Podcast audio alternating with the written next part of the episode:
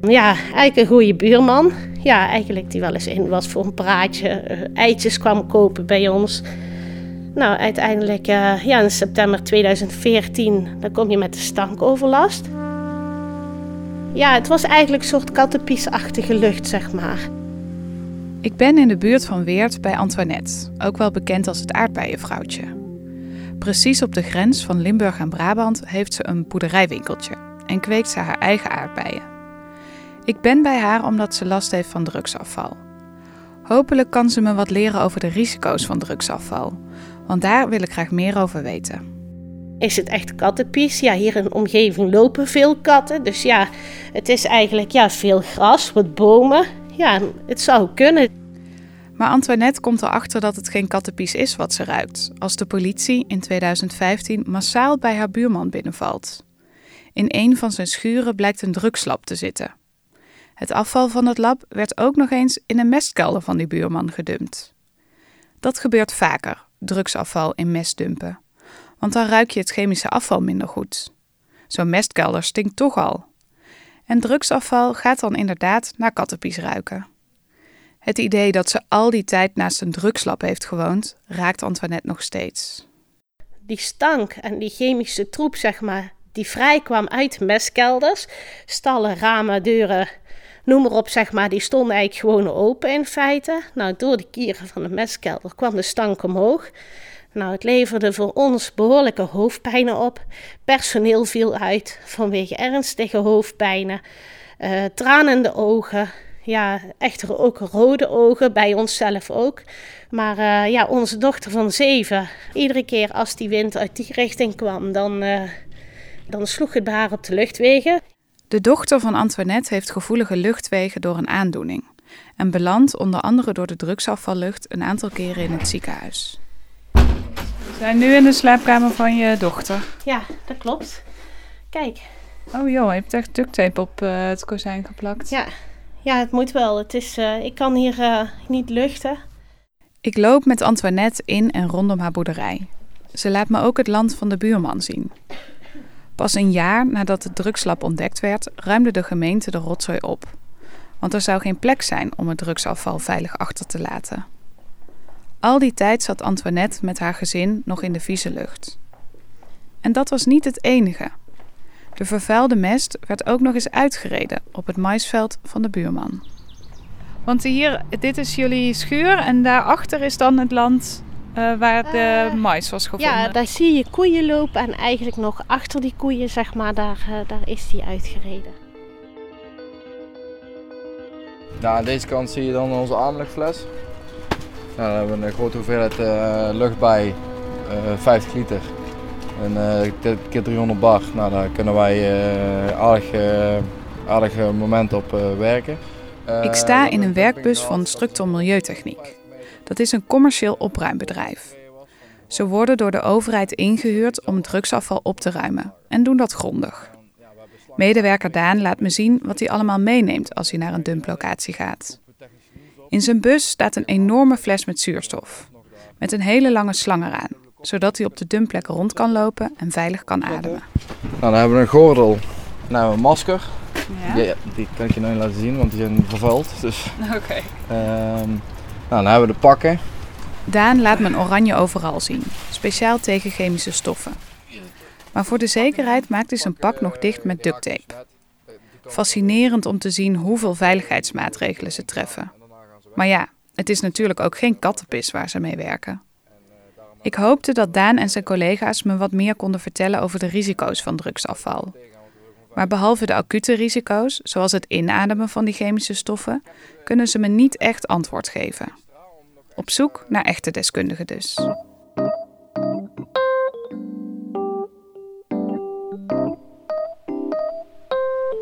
Criminologe Yvette Schoenmakers, je hoorde haar in mijn eerste reportage, raadt me aan om langs te gaan bij Jordi van der Steen. Hoi, Jordi? Ja. Hi. Jordi is... Van de Omgevingsdienst uh, Midden- en West-Brabant. Dat is een overheidsinstantie die toezicht houdt op milieuzaken. En omdat in Jordi's regio al een aantal jaren veel drugsafval wordt gedumpt, heeft hij zich op dat vlak gespecialiseerd. Hij vertelt me dat het grootste risico het contactrisico is. Dus de mensen die het drugsafval vinden of opruimen. Want als je de chemische dampen inademt, kun je onwel worden of je longblaasjes kunnen verbranden. En dan kun je dus doodgaan. Dit weekend werd er bijvoorbeeld nog iemand doodgevonden in een drugslab. Die man had waarschijnlijk te lang in die chemische dampen gewerkt. Je kunt ook brandwonden krijgen als die stoffen op je huid komen. Dat acute gevaar is er niet alleen voor mensen, maar ook voor de natuur. Die zuren die tasten meteen uh, bodems aan en maken het bodemleven uh, acuut dood. Ik heb helaas al een paar keer flinke bomen uh, gekapt zien worden door een dumping zeg maar, in die nabije omgeving. Als ik aan dat drugsafval in de natuur denk, denk ik ook weer aan het verhaal van die hondjes met afgebrande pootjes omdat ze door drugsafval lopen. Wat is daar nou van waar? Ik bel een paar hondentrimsalons in Weert, daar waar mijn onderzoek naar drugsafval begon. Eigenlijk heb ik het nog nooit uh, gehoord en ja, ik hoop het ook nooit mee te maken, want uh, het zou toch wel afschuwelijk zijn uh, als een hondje zoiets overkomt. Niemand van de hondentrimsalons die ik spreek heeft het ooit gezien of meegemaakt. Dus ik leg het voor aan expert Jordi. Ik ken die verhalen wel en ik ken ook die verhalen van kinderen die door plassen uh, zuren fietsen. Ja, je zult er gewoon flinke brandwonden van krijgen. Nog zo'n verhaal. In 2015 zijn vier kinderen door plassen drugsafval gefietst. Ze waren op vakantie, net over de grens in België. Jij en ik zouden ook zo door die plassen kunnen fietsen. Want het ziet er gewoon uit als een plas water. Geen alarmerende jerrycans of zo in de berm. Nieuwsgierig? Check de foto in de app. Deze kinderen zijn uiteindelijk behandeld in het brandwondencentrum.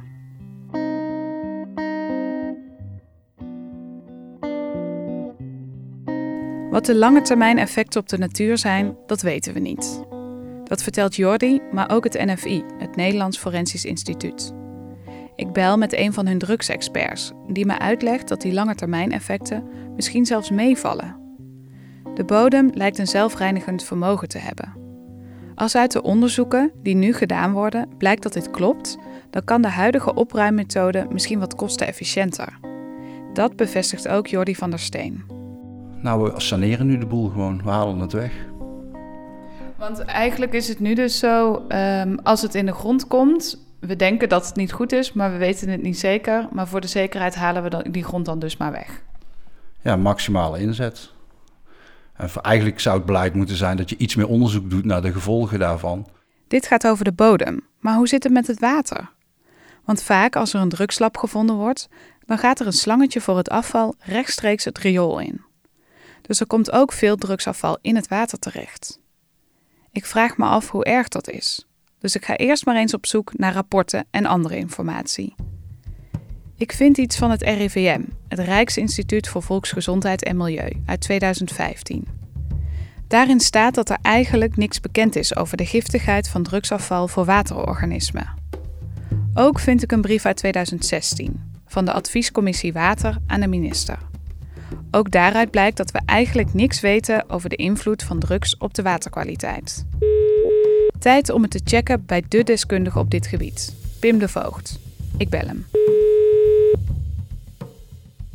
Want je zit in Spanje nu, toch? Ja, dat klopt, ja. Oké, wat ben je aan het doen daar? We, we zitten op een congres hier over uh, de analyse van stoffen in het milieu, zeg maar. Pim de Voogd is hoogleraar milieuchemie en onderzoekt jaarlijks drugsresten in het riool.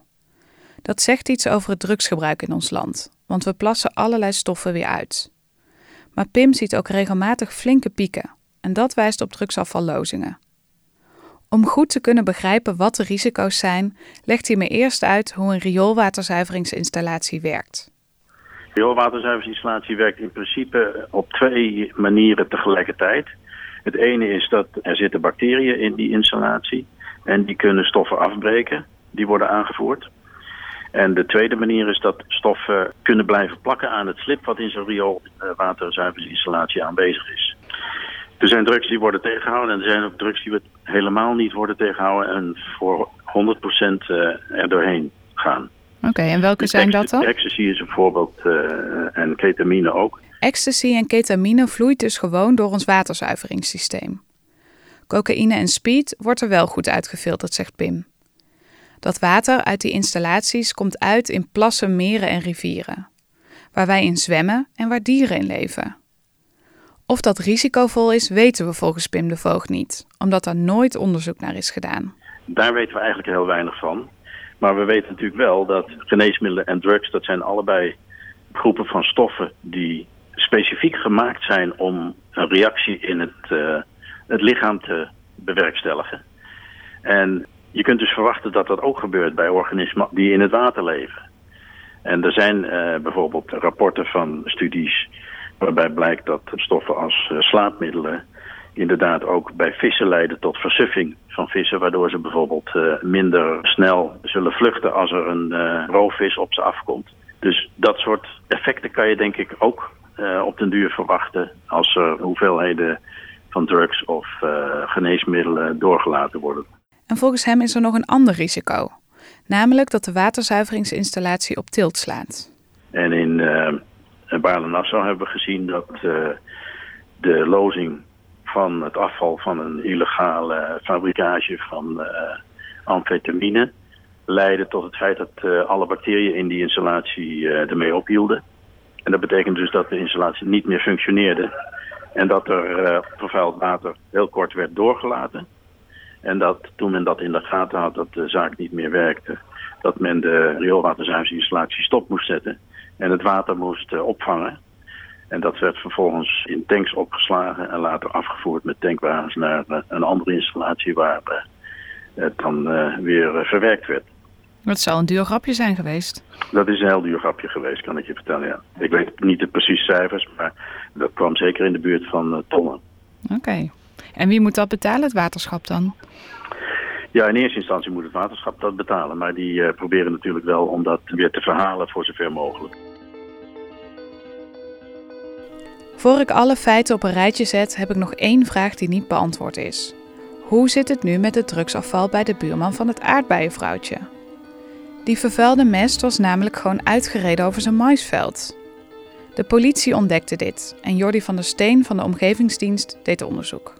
We wisten daar op een gegeven moment dat daar mest was uitgereden, waarvan ook de verdenking was dat daar drugsafval in zat. En dat hebben wij daar uh, ook aangetoond. Uh, en, uh, onze collega's van de Nederlandse Voedselwarenautoriteit die hebben vervolgens gekeken, zit het ook in de planten? En daar bleek het ook in te zitten. In het rapport van de Nederlandse Voedsel- en Warenautoriteit lees ik dat de gevonden concentraties waarschijnlijk geen gezondheidsrisico vormen voor vee die de mais zouden eten. En ook niet voor mensen die die dieren weer zouden eten. Deze mais is in ieder geval vernietigd. Dus helaas, je kunt geen pretverhogende mais kopen in je supermarkt. Maar ik vraag me nu wel af, gebeurt dit niet vaker? Want er is vaker drugsafval gedumpt in mestkelders. Dus is het dan ook vaker op gewassen beland? Vast wel. Uh, de afgelopen jaren zijn er een aantal incidenten waarvan eigenlijk nu al kan gezegd worden dat er eigenlijk al geen incidenten meer zijn. We hebben ook uh, met de start van het mestseizoen hier, of het uitrijden van mest, ook even een communicatiebericht uh, opgesteld. Ook voor de burgers. Voor ja, mocht je echt afwijkende dingen merken, ja, meld het uh, alsjeblieft. Want we willen het toch wel weten. we willen toch wel onderzoek gaan doen dan.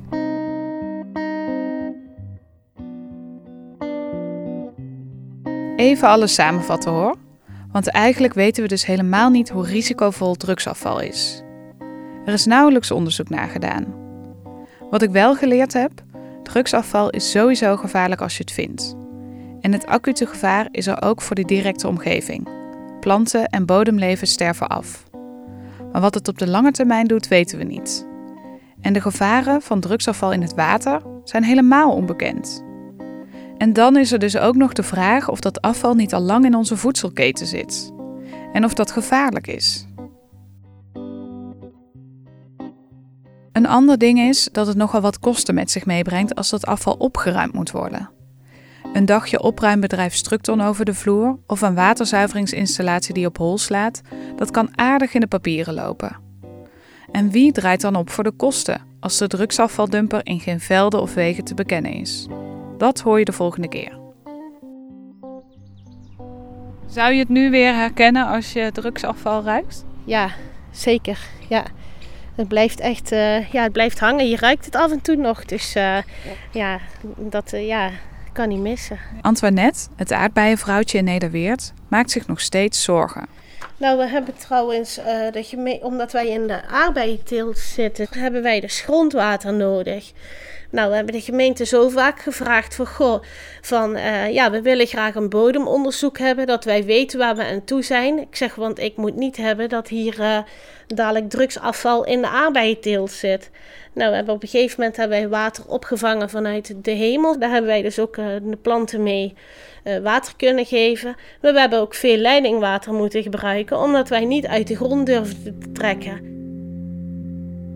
Ik krijg van Antoinette nog een bakje aardbeien mee. En die heb ik als niet-drugsgebruiker gewoon opgegeten. Heerlijk. Ik ben nog benieuwd, wat vind jij hier eigenlijk van? Gebruik je zelf wel eens drugs? En denk je dan ook na over deze wereld daarachter? Of is het voor jou misschien wel een reden om juist geen drugs te gebruiken? Laat het me weten in de app. Bedankt!